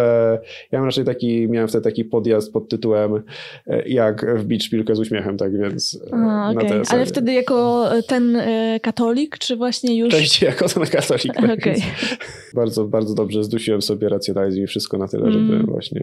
A, a powiedz, jak ty wspominasz te czasy? Bo rozmawiałam o tym z Natalią mm, Białobrzeską, czyli twoją żoną o tych czasach, w których właśnie byliście widziani, czy trochę właśnie tak zapraszani i, e, i też sami chyba też trochę odnajdowaliście się w tej roli takiej katolickiej rodziny, fajnych, fajnych katolików, e, o tradycyjnych wartościach, ale które w luźny sposób taki e, opowiadają o, o Bogu, o swojej relacji, występują na różnych konferencjach. Jak ty wspominasz te czasy? Znaczy we mnie i w Natalii wydaje mi się, że nadal jest taka potrzeba, że po prostu Y, dzielić się ze światem, taką radością z bycia z, ze sobą, czy z bycia z dzieciakami, więc jakby ta część jakby nie jest dla mnie e, jakaś taka problematyczna, że ja żałuję, że w ogóle się dzieliłem, mhm. bo mnóstwo tych spotkań nie było nawet, nazywałbym ewangelizacyjna, taka prosto w twarz. Ja pamiętam, mhm. że raz zrobiłem jakiś wykład, gdzie mówiłem o wartościach w małżeństwie na bazie cytatów z Transformersów, więc to było, to było szokujące. Moje dowcipy, tak powiem, e, niedobrze się trzymały katolickiej publiczności. I pozostawały... Ale był bulwers? Była z, e, z Nie, raczej było na tej zasadzie, że reakcja pod tytułem to jest śmieszne, ale nie wiem, czy wypada się z tego śmiać. Okej. Okay. Bo komuś tam na tym fragmencie filmu obcinają głowę. Okay. Robotowi, ale Mimo wszystko. Mimo wszystko, jesteśmy. Za 15 minut przemawia szóstak. To, to było akurat okay, okay, przed okay. jego wykładem, tak więc zachowajmy jakieś, że tak powiem, mm -hmm, granice. Mm -hmm. Nie, tak więc ja się właśnie starałem tak bardzo, bardziej popkulturowo, no bo to jest jakby to, co czułem. Ja też pamiętam, że był taki moment, gdzie już wiele lat temu powiedziałem Natalii chyba, że jakby ktoś nas zapraszał na cokolwiek, co się nazywa świadectwo, to ja dziękuję. Mm -hmm. Jakby ja nie, nie uczestniczę w czymś, co się nazywa świadectwo życia i później jakby coraz więcej stawiałem ram takich wokół tego, żeby gdzieś nie jechać, podświadomie jakby czując, mhm. że ja się w tym po prostu nie odnajduję i szukając jakichś wewnętrznych powiedzmy tysiąca zasad, żeby tylko tam już nie pojechać po prostu, tylko właśnie też, żeby jeszcze nie powiedzieć, że już nie chcę mm. w ogóle uciekać z tego środowiska, tylko na zasadzie, o ja po prostu mam bardzo dużo zasad, prawda, nie chodzę na świadectwa, nie chodzę na tamto, nie chodzę na to, tak, to tam tak, jest za tak, daleko, tam, tak. tam nie ma gdzie dzieci zostawić, tam coś tam, o, tam nie załatwiał opiekunki, no to nie, jakby zupełnie nie i finalnie faktycznie ostatnie lata w ogóle nigdzie nie... Mm nie jeździliśmy już, no bo najczęściej właśnie chcieli nas jako para, a ja też jakby się starałem tak od razu powiedzieć, że, że nie. Mhm. Dziękuję. Powiem Ci, że ja też właśnie to tak, e, jak sobie przypominałam, to też zawsze wspominałam, chociaż mieliście też takie nagrania, chyba podcast to był, czy filmy, e, w których opowiadaliście też, e, nie wiem, o stosowaniu tam, nie wiem, NPR-u, czy no, różnych tam chrześcijańskich wartościach jakby w domu, ale to było zawsze takie, no, kurczę, nigdy nie było w tym rygoru jakiejś, czy jakiejś takiej, tak musi być i jakiejś mm, surowości, tylko po prostu taki trochę katolicki lifestyle. I później e, jakby przez jakiś czas nie mówiliście i też nie, nie wypowiadałeś się w ogóle na takie tematy, była taka cisza. I sama byłam zdziwiona, kiedy opublikowałeś właśnie, że, że już nie jesteś w kościele, że odchodzisz. Z jak ogromnym oburzeniem e, się to spotkało, bo e, też zawsze miałam takie poczucie, że Natalia więcej mówi właśnie o wierze, a ty bardziej o swoich odczuciach czy tam wrażeniach, a jednak gdzieś tam zapisało się w głowach, że że jesteście tą katolicką rodziną. Myślisz, że więcej dopisano tutaj do tego, co naprawdę mówiłeś, czy? Raz, że wydaje mi się, że mm, jest takie też no to, to, też nie oszukujmy się, że w, w katolicyzmie jednak jest takie nakierowanie na patriarchat, tak więc jeżeli żona tak myśli, to pewnie mąż albo tak myśli, mhm. albo jest w podobnym kierunku przynajmniej. Nie ma sytuacji, w której szczęśliwa rodzina, mąż, katolik, żona ateistka, raczej mm. to się mhm. rzadko spotyka, mm. przynajmniej takich się nie pokazuje w kościele. Mm. Więc jeżeli się już pokazuje nas w kościele, no to nikt nie zakłada, że żona będzie wierząca, a ja po prostu przyszedłem jako ateista pouśmiechać się do tak. i pogadać o Transformersach, tak? Więc raczej zakładaj, że ja też jestem katolikiem, no bo tak się wtedy też identyfikowałem, przedstawiałem i jakby tak też mówiłem. Miałem filmik na YouTube, prawda, katolicy versus Halloween, Halloween gdzie mhm. to takie były moje próby wejścia. To jest w ogóle, mi się wydaje, że jakby tak pełniłem taką trochę rolę, tak podświadomie osoby chciałem, która chciała być taka, przedstawić katolicyzm jakby odświeżyć mm nie reguły, mm ale mhm. spojrzenie jakby. Tak, tak. Pokazać, no, że niekoniecznie tak, musimy jeździć tylko i wyłącznie na rekolekcje i, i, i tam mówić, ale możemy też założyć koszulkę, która nie będzie kiczowata, prawda? Do tego zrobię koszulki katolickie, które będą fajne z przesłaniem, ale jednocześnie będą fajnie wyglądały i, i, i będą takie nie wprost, że jak robiliśmy e, z Natalią filmy razem, takie też na YouTubie, gdzie mówiliśmy o relacjach damsko-męskich, to nazwaliśmy instrukcje współżycia, mm. prawda? Że też nie na zasadzie, że wieczór e, ze spojrzeniem na małżeństwo, tak, tylko po prostu to było takie, takie już tu dwuznaczne, prawda, że tu współżycie, a tu chodzi tak naprawdę o nasze relacje między nami, mm. że tam mhm. były dowcipy, memy, jakby to powiedzieć, że teraz z perspektywy czasu możemy być argumentem dla tego e, katolickiego Twittera, że fajno katolicyzm prowadzi na manowce. Mogą nas używać jako, jako dobrego argumentu. Tak, Patrzcie, tak. jak przedstawiali pozytywnie, wesoło katolicyzm, a teraz co? No to straszne, bo to trochę pokazuje, że, że rzeczywiście no, pozostaje uciekać, bać się, i w tej surowości jakoś zas, zastygnąć. Znaczy, się wydaje, że są, są, są osoby, i, ale faktycznie jest, y, to, to może też nasze polskie, mi się wydaje. To jest nasze trochę polskie, to jest jak nasz patriotyzm. Nasz patriotyzm mm. też nie jest wesoły i taki happy mm -hmm, i, i, w mhm. ogóle jest taki wzniosły i, i Kościół też jest, do, może nie być, nie być depresyjny, ale będzie wzniosły. To wszystko będą piękne chwile, będą piękne świadectwa, niekoniecznie muszą być, mogą być w nich dowcipy, mm. ale jednocześnie nie będzie, prawda, takiego, e, nawet na tych takich topowych, prawda, księżach typu właśnie szóstak, tam e, świętej pamięci już Pawlukiewicz i, i, i wielu ich tam było i jest dookoła cały czas. To też jest e, humor, ale to i tak jest taki humor, który przerywa jakąś głębszą myśl. Pobożny humor. A i tak oni się określają jako fajno-katolicyzm też, tak więc to jest, mi się wydaje, że no jest jakiś taki podział i taka potrzeba też wynikająca z naszego patrzenia mm. polskiego na świat, na to, żeby mhm. coś właśnie było, że jest poważne i traktujemy to poważnie, to jakby nie, nie śmiejemy się z tego. Z jakimi reakcjami się spotkałeś, e, mówiąc o swoim odejściu z kościoła? Dużo osób e, z mojej przeszłości, tak nie na zasadzie, że nie powiem, że poczuło ulgę, ale jakby tak, o okej, okay spoko, dobra, to fajnie, to się cieszę, prawda, na tej zasadzie, że, że jakiś tam powróciłeś do pewnych rzeczy, gdzie żyliśmy kiedyś w takich relacjach i rozmawialiśmy, mm. jakby, ja tam też mówiłem wprost, prawda, o tym, jak się zmieniło moje myślenie z powrotem, więc jakby dla nich to było takie na zasadzie, że nagle jak z takiego Maćka się stałem, wow, dziwnym Maćkiem, teraz jakby wróciło do do tego, jakiego Maćka, do którego poznaliśmy i lubiliśmy i tak dalej, więc jakby w sensie dla nich to powiedzmy było takie spoko. Mm. Nie powiedziałbym, że otwieramy szampana, ale po prostu neutralne albo spoko. No, znalazłem też dużo takich, e, miałem też takich dużo reakcji pod tytułem, że wspieram, że rozumiem, że to było trudne. No i miałem oczywiście reakcje e, ze świata katolickiego, które wyrażały albo smutek, że szkoda, Mhm. Albo jak już się odnajdziesz, to zapraszamy z powrotem, nasze drzwi są zawsze otwarte. Co i tak uważam, że jest spoko jak na, na ten e, światek, prawda? Mhm. I miałem też oczywiście reakcję skrajnie w drugą stronę mhm. pod tytułem chyba naj, naj, najostrzejsze to jakaś katolicka publicystka, której imienia nawet nie pamiętam. Szczerze, miałem ją przywać, ale już nie pamiętam. Która powiedziała, że w ogóle opiszę to, zrobiła screeny tego. A, i to, to Natalia będę, o tym też mówiła w że, rozmowie, tak. Że będę e, przykładem dla mhm. I artykułu o tym, jak właśnie młodzież z jakichś błahych powodów opuszcza młodzież. kościół.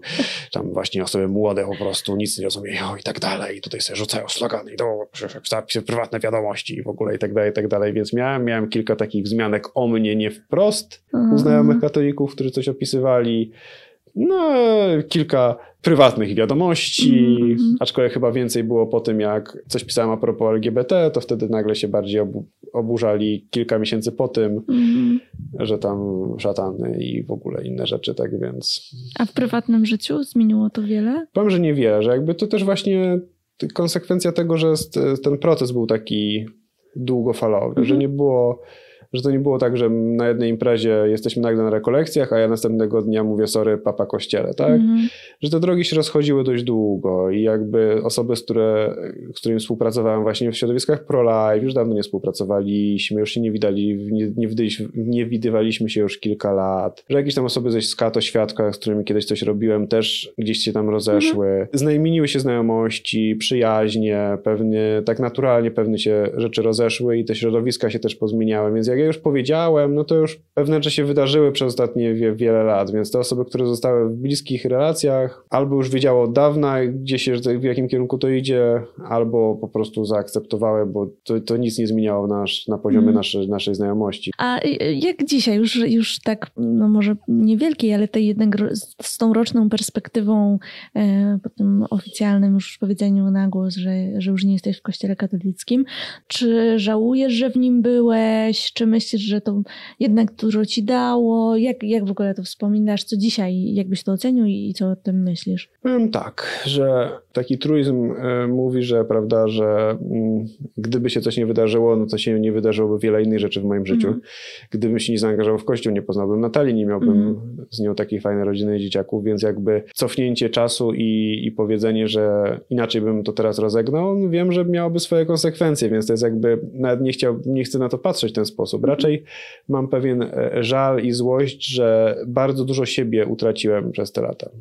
To jest jakby taki jedyny e, na rzecz, którą tak już po tym roku odczuwam, że jakby widzę, jak wiele rzeczy z, z, samego siebie zatraciłem, że widzę, że te relacje, które gdzieś tam się pokończyły, część z nich nawet się gdzieś tam powoli może tam odżywa, a nawet jak nie odżyje, to przynajmniej ma takie lepsze zamknięcie, nie, nie zamknięcie na konflikcie, tylko zamknięcie w takim e, zrozumieniu i szacunku, prawda, jedno do drugiego. Więc to jest jakby fajne. Natomiast to, jak daleko odszedłem od e, tego, jak siebie postrzegałem, to jak wiele rzeczy się w moim życiu zmieniło na niekorzyść, szczególnie w takim, mówię, życiu takim e, kreatywno-twórczym, bo tak też się odnajdywałem w kościele, mhm. no to to jest coś, co, co jest dla mnie takim dużym żalem jakby mhm. tego, e, gdzie, jak się to, jak, jak się to potoczyło, mhm. prawda. A jesteś zły bardziej na siebie, czy na to środowisko? Wiesz co, tak pół na pół bym powiedział. Pół na pół, bo ja wiem, że mogłem, e, mogłem spokojnie wcześniej jakby powiedzieć dość. Mhm. Z drugiej strony też wiem, że, że to się nie działa tak, że po prostu oni nie zrobili nic jakby mhm. i mhm. grzecznie po prostu akceptowali moje wybory, tak, więc wiem, w którym kierunku szło i jakby wiem, w którym kierunku byłem kierowany, wiem, jakie rzeczy, wiesz, słuchałem na rekolekcjach, jak byłem, e, jak to się mówi tam, kształcony, czy jak mhm. modelowany na tej Ale co, co na przykład, jakie, o jakich myślisz Wiesz, no jakby ja byłem zawsze osobą, która, mm, jak patrzę na swoją przeszłość, ja byłem osobą, która uwielbia wchodzić, e, w sensie jakby w kreacji, w sztuce po prostu w takie dziwne miejsca, w wizualne, dziwne historie. Ja wszedłem właśnie w stronę jakichś, jakichś horrorów, jakiejś e, krwi, wszystkiego mm -hmm. i nie w sposób jakiś taki, e, że chciałem brutalności, nawet takiej dla sensu brutalności, bo były bardzo brutalne, bo grałem gry komputerowe, tylko po prostu jakby ta stylistyka mm -hmm. i mhm. tak dalej. Bardzo mi się podobało. Widzę, jak bardzo została głaskana, jak, mm -hmm. jak zepchnięta właśnie jako, jako coś grzesznego, złego, niedobrego, co może mnie sprowadzić na złą mhm. drogę. Na przykład mam, jak sobie robiłem pierwszy tatuaż, jak ja się cieszę, to jest po prostu moje e, życie, że nie dałem e, swojej tej przeszłościowej głosiku w tle wmówić sobie, że jak już mam tatuaż, to powinien być chrześcijański. chrześcijański.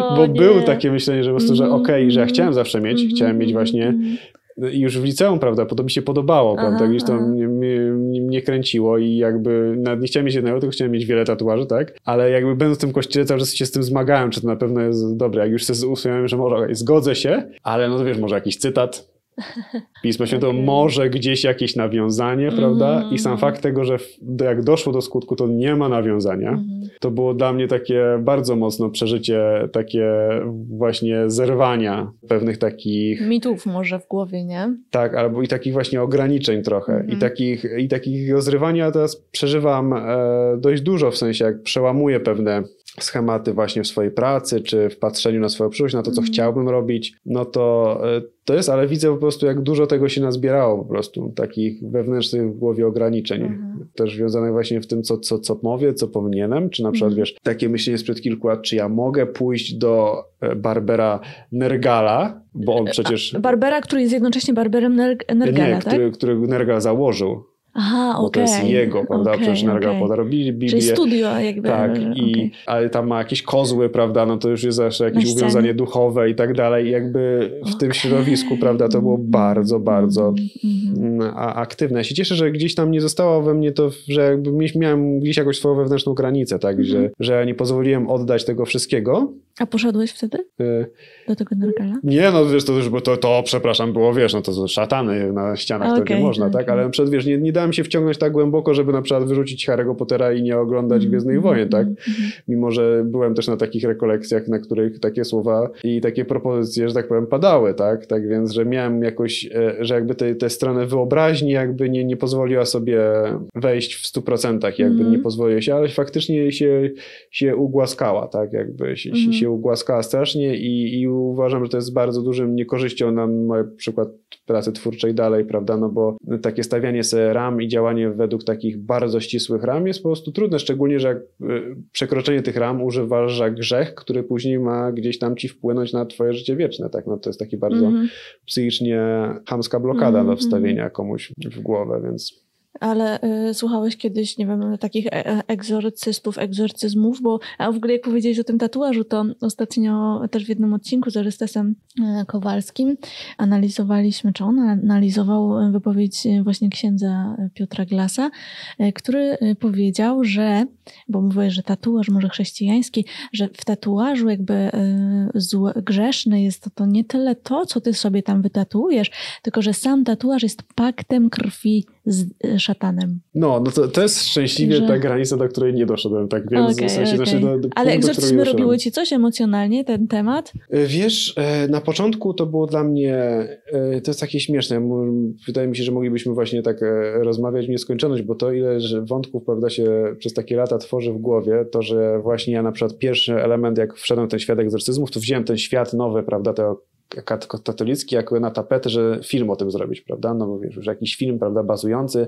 nawiązujący do tego, wplatający te wątki. Pamiętam, że pokupowałem tych książek takich dużych, dużo takich e, związanych właśnie z tą duchowością, egzorcyzmami, okay. żeby może stworzyć jakiś taki Ale film science czy, fiction, a, science nie, fiction. science fiction, okay. no wiesz, tej walce dobra ze złem, której my nie Mm. widzimy, szatany, demony, które wiesz, Wow.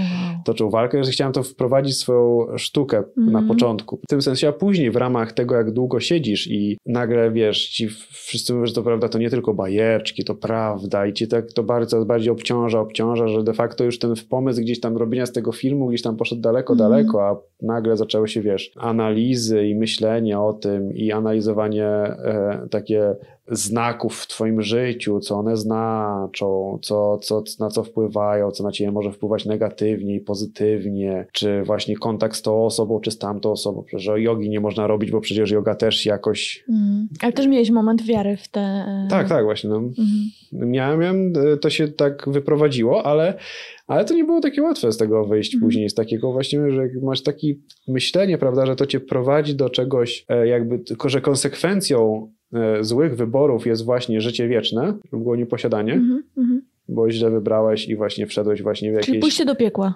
pójście do piekła na, Mhm. na zasadzie, albo przynajmniej przynajmniej, e, że tak powiem, męczarnia w czyśćcu nie wiadomo Mhm. jak długo, no to jakby masz pewne takie, nawet jak wyjdziesz z tego kościoła, to gdzieś tam to w tył głowy jest, prawda, Mhm. że to trzeba się trochę emocjonalnie z tego zrzucić, Mhm. prawda, i teraz nie mam problemu jeszcze z jogą, czy z medytacją, czy z czymkolwiek, ale wtedy to tak, to, to było, wiesz, to, to nigdy w Hmm. życiu, no. Dobrze, to w takim razie mm, zapytam Cię o te zagrożenia, o, zag- o zagrożenia, czy raczej ostrzeżenia, które można usłyszeć ym, mając kryzys wiary, czy gdzieś tam w jakikolwiek e, sposób zastanawiając się nad odejściem z kościoła, albo i się nie zastanawiając, ale po prostu będąc w kościele. Czy słyszałeś kiedyś, e, że kościół to najwspanialsze e, miejsce, najpiękniejsze miejsce, w którym działają także najwspanialsze wspólnoty, które robią prawdziwe dobro? Na pewno słyszałem, czytałem o wiele częściej niż słyszałem, mi się wydaje. Mhm. Że to jest taka ta lepsza część świata. Tak, tak, tak. To, to tak, no bo też na tym polega, e, prawda, e, wciąganie, no bo po części jakby wiadomo, że są różne religie, ale wiadomo, że jest jedna ta Prawdziwa. prawdziwa. Rzadziej e, chyba miałem takie wrażenie, że tam są najlepsi ludzie. Tego chyba nikt mi nie powiedział tak Mhm. wprost. Natomiast wiadomo było, że jakby mówiąc o nawet teraz o lewactwie, jak się czyta, czy o właśnie ateistach jakichś, którzy nie rozumieją, no to wiadomo, gdzie się ustawia, prawda, Tak, tak. jak się wartościuje, tak? A jeżeli chodzi o przyjaźń, że właśnie w kościele, tylko w kościele możliwa jest prawdziwa, głęboka przyjaźń, poza kościołem takich prawdziwych przyjaciół nie znajdziesz. To jest ciekawe. To bardziej mi się wydaje, że na jakichś rekolekcjach czy coś, to chyba nigdy nie, nie słyszałem takiego zdania, żeby ktoś powiedział, że prawdziwych przyjaciół poza kościołem nie ma, albo przynajmniej tak głębokich relacji. Natomiast widziałem jakby po swoich znajomych, a właściwie rodzinie, dalszej rodzinie, znajomych rodzin, Mhm. że jakby takie myślenie i funkcjonuje, prawda? Że to są jakby, że niby ten fundament wiary jest tym fundamentem, który nas scala na życie, na lata. Z drugiej strony, jak e, właśnie będąc w tym fundamencie stwierdzisz, że już jesteś niewierzący, no to wtedy nagle wypadasz, prawda? Więc to nie jest takie scalanie przyjaźnią. Też bardziej mi się takie wydaje, sytuacje? Znaczy bardziej mi się wydaje, że widzę nawet po sobie w tym sensie, Mhm. że że to, to nie było scalenie e, przyjaźnią, to było scalenie fundamentem kościoła po prostu. Czyli po prostu jesteś w naszej wspólnocie, ale to jakby funkcjonuje wszędzie mi się wydaje i Mhm. to w każdej właśnie religii tak samo. Jak że jesteś mormonem, to nagle i wychodzisz z kościoła mormonów, to po prostu nagle nie chcemy cię znać, tak? I że to nie była relacja z tobą, to była relacja z tobą w kontekście wiary. Okej, a, a jeżeli chodzi o sakramenty, no bo poza, poza kościołem nie będziesz miał sakramentów. Jak żyć bez sakramentów? Czy oczekujesz jakiejś głębokiej odpowiedzi, czy YOLO? Nie, szczerej. You only live once. Takie zdanie ostatnio usłyszałem w jednym z wykładów e, Karla Sagana, które mi się bardzo spodobało, że lepiej zaakceptować e, trudną prawdę niż utwierdzającą nas opowieść slash bajkę. Mm.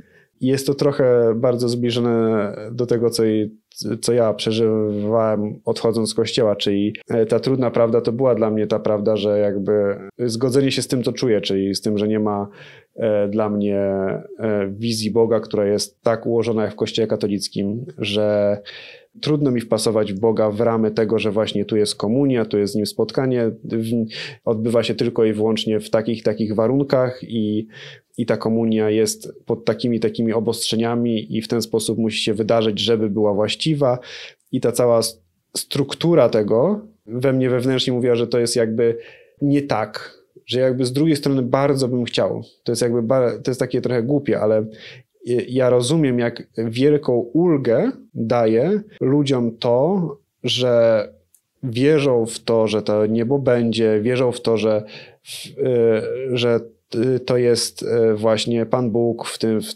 w tej komunii i że oni w ten sposób go przeżywają i jakby, że, że te grzechy się gdzieś tam im odpuszczają. I jakby to jest bardzo pociągająca w cudzysłowie wizja e, takiego bardzo taki spokojnego spojrzenia na dalsze rzeczy, które się wydarzą po śmierci. Mhm.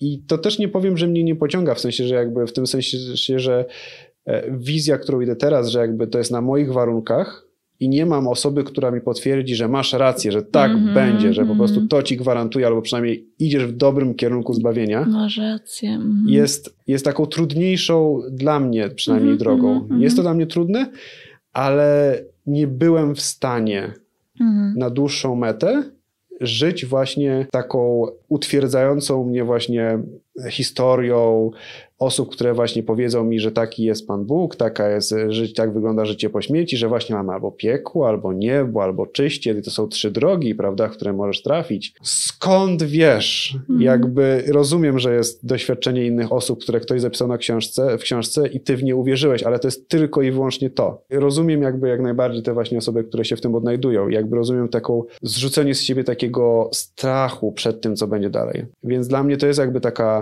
trudna prawda właśnie. Mm o tym, jak ja patrzę na, na życie, ale jednocześnie jest to długofalowe dla mojego mózgu i dla mnie osobiście, i dla mojej duchowości, i dla mojego życia na co dzień, jest lepsze niż utwierdzanie się właśnie jakimiś kolejnymi historiami osób, które mi mm. potwierdzą, że anegdotycznymi. Że właśnie, że to jest, że to jest jakaś droga, która, że oni mają rację po prostu na tej zasadzie. Jasne. A miałeś w ogóle taki moment, w którym ten argument y, powstrzymywał cię przed y, zdystansowaniem się do kościoła?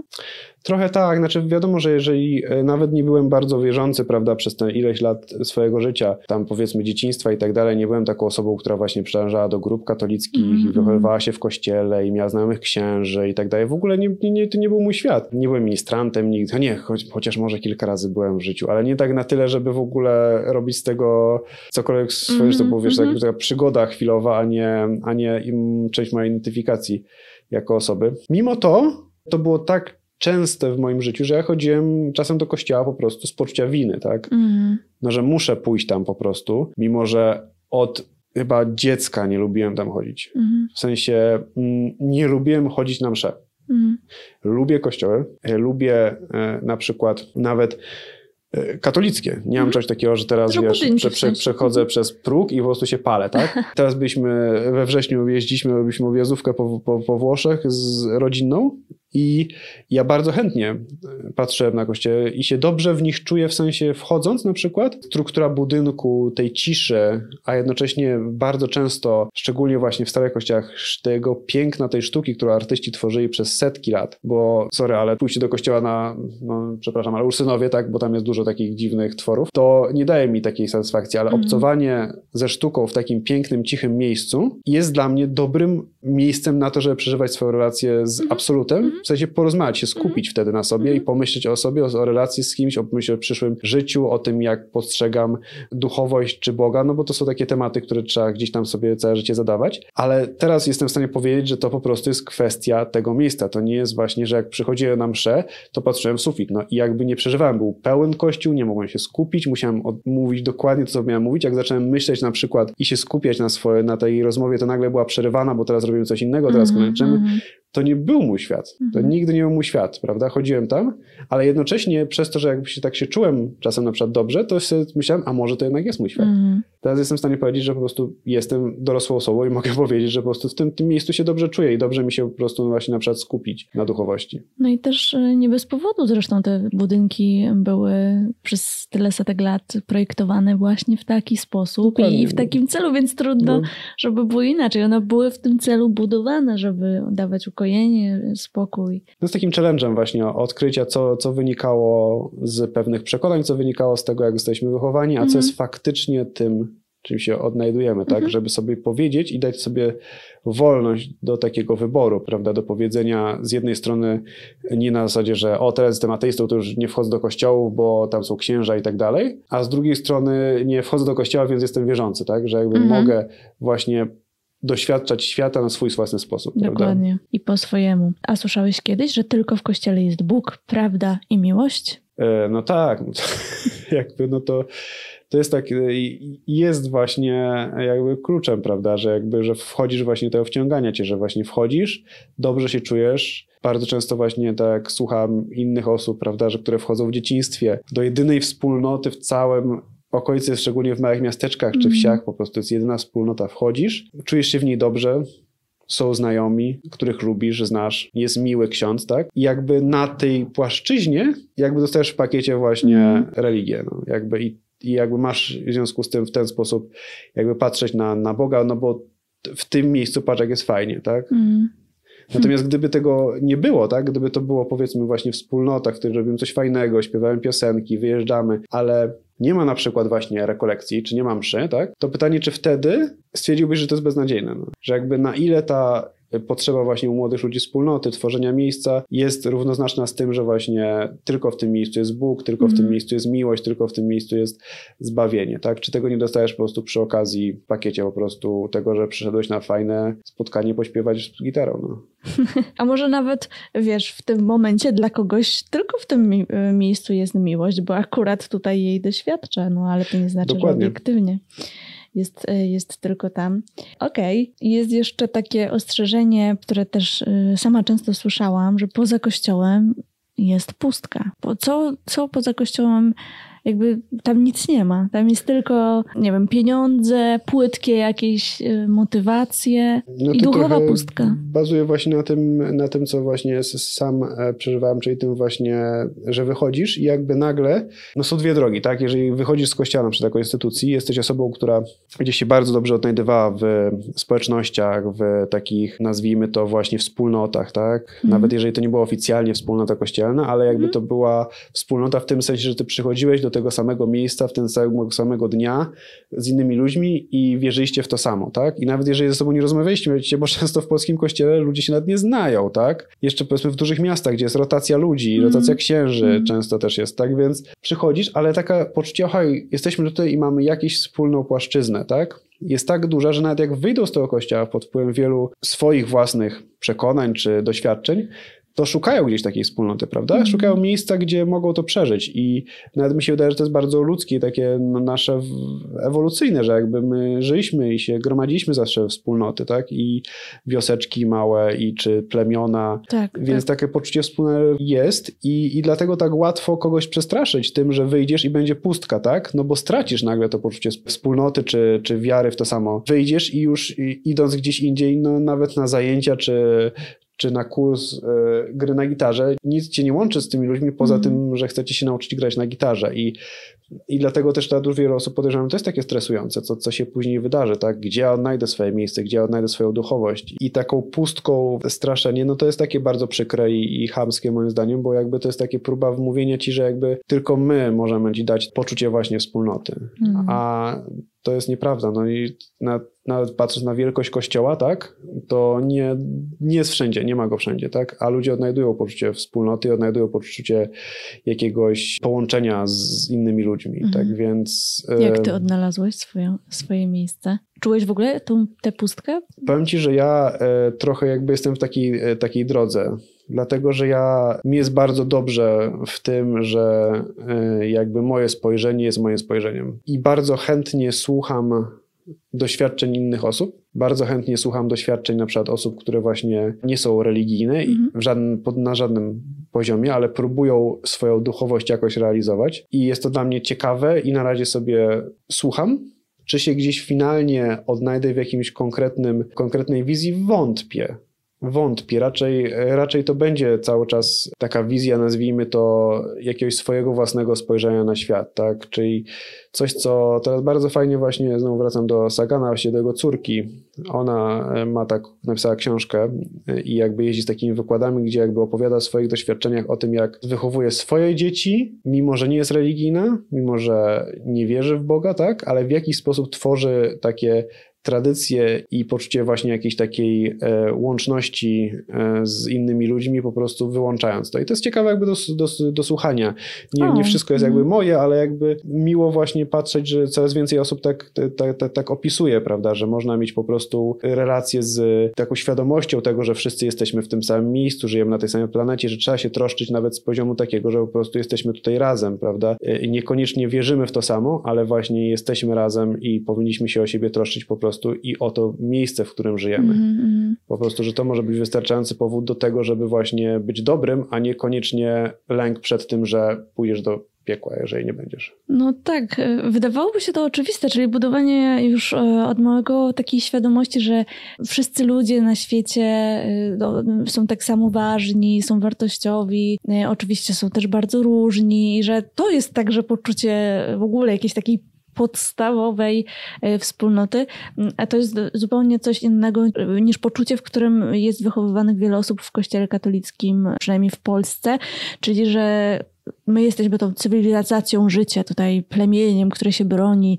tej, tej niebezpiecznej cywilizacji śmierci na zewnątrz i takie już jakaś wrogość, już jakieś anty, już jakieś bronienie się. Pobudowanie strachu jest bardzo proste, prawda? Mm. Jakby wywołać w ludziach lęk i zmuszenie ich do robienia czegoś przez ten, ten sposób, żeby spo, z lęku robili, no jest i, i działa i, i zasiewa w tobie niepewność mm. na lata, więc mm, tak jak popatrzymy na, na właśnie na, na sytuację, w której mielibyśmy bezreligijne właśnie grupę ludzi, wioskę, tak? Osób, która po prostu jest razem i się trzyma razem i wspiera się, bo wiadomo, że nagle przejdzie, zwali się drzewo i komuś dom zawali, mm. tak? I jakby to jest ktoś, kto żyje koło nas, nam pomagał, my pomagamy jemu, zbieramy się, odbudowujemy. To jest jakby poczucie, jesteśmy dobrzy dla siebie nawzajem, że po prostu razem, wspólnie jest nam łatwiej tak, mm. funkcjonować. To jest takie proste, tak, ale w momencie, w którym nagle się odnajduje yy, ktoś, kto nie chce tak robić, to czy łatwiej go wychować na przykład e, latami jako dziecko i wytłumaczyć mu, jak działa społeczeństwo, że trzeba się troszczyć, czy łatwiej powiedzieć mu, ej, jak nie będziesz miły, to po śmierci się będziesz smażył w piekle. Mm. Jak nie będziesz grzeczny. Czy będziesz grzeczny, prawda? No to, no to wtedy jest y, sam lęk, no, tak? tak? Cię zatrzyma, tak? Nie zatrzyma cię to, co zbudujesz sobie, tylko zatrzyma cię lęk. No. no i mam nadzieję, że coraz więcej będzie i, i, i tatów, i mam, y, którzy wychowując swoje dzieci gdzieś tam będą mieli tę świadomość, ale też, że my dla siebie sami będziemy taki, takimi dobrymi wewnętrznymi rodzicami, y, którzy nie będą się zastraszać i karać, ale będą gdzieś na siebie samych i innych otwarci. Bardzo, bardzo Ci, Maćku, dziękuję za rozmowę. Chyba, że jeszcze coś chciałbyś dodać? Czy dać jakiś e, statement na koniec? nie, zupełnie nie musisz. Nie, ale mogę powiedzieć tylko jedno na koniec. Polecam każdemu. Nie powiem, że właśnie terapię, bo nie chcę użyć terapii, bo mm. to jest mhm. jakby zupełnie coś innego. Ja bym chciał, żeby każdy, i to było moim zdaniem, że wartościowe dla każdego, żeby prześledzić swoje życie tak świadomie, czy samemu, czy w relacji z kimś bliskim, na przykład żoną, mężem, czy jakąś osobą z rodziny, z którą się czujemy dobrze, y, czy samemu ze sobą i zastanowić się, na ile to, co robimy w swoim życiu, robimy świadomie i na ile w to, w co wierzymy, to wierzymy świadomie i na ile robimy to z jakichś doświadczeń przeszłości, a na ile robimy to z własnych wyborów. Szczególnie jeżeli zdarza nam się sytuacja, że spodziewamy się dzieci i to, co, co sami robimy w życiu i w co wierzymy, będziemy automatycznie, nawet nieświadomie przekazywać dalej. To jest na przykład coś, czego ja bardzo żałuję, że nie zrobiłem wcześniej w swoim życiu. Mm. Czyli nie zacząłem się wcześniej interesować tym, jak doszedłem do tego miejsca, że takie rzeczy są dla mnie istotne, a nie są. Bo później o wiele prościej, e, wychowując dzieci, czy w ogóle tworząc rodzinę nawet e, bez dzieciaków, ale z samą partnerem, partnerką, powiedzieć, że jakby w którym kierunku chce się iść, jakby podejmować świadome decyzje i później tego życia finalnie pod koniec gdzieś nie żałować, mm. jak się zorientujemy, że przeżyliśmy je tak tylko dlatego, że ktoś nam tak powiedział, mimo że gdzieś wewnętrznie chcieliśmy inaczej. Jeżeli mogę coś zmienić w swoim życiu albo coś doradzić, cokolwiek, to, to, to, to tylko tyle mogę doradzić, żeby się po prostu myśleć nad, nad sobą i, i skupić na tym jakby skąd, skąd jesteśmy tacy, jak jesteśmy, bo jest to ciekawe doświadczenie i na pewno wartościowe na całe przyszłe życie. Nigdy nie jest za późno, żeby dać sobie prawo do własnego życia, żeby dać sobie własne życie. Tak, i w ogóle zastanowić się, jakie, jakie chcemy, żeby było. Mm, mm. Super, no to myślę fajna, e, fajny motyw e, do jakiejś refleksji. Bardzo Ci dziękuję. E, Maćka możecie znaleźć na Instagramie jako Epicki Maciek, na YouTubie chyba też, także Też tak, więc polecamy. Dzięki wielkie. dzięki bardzo.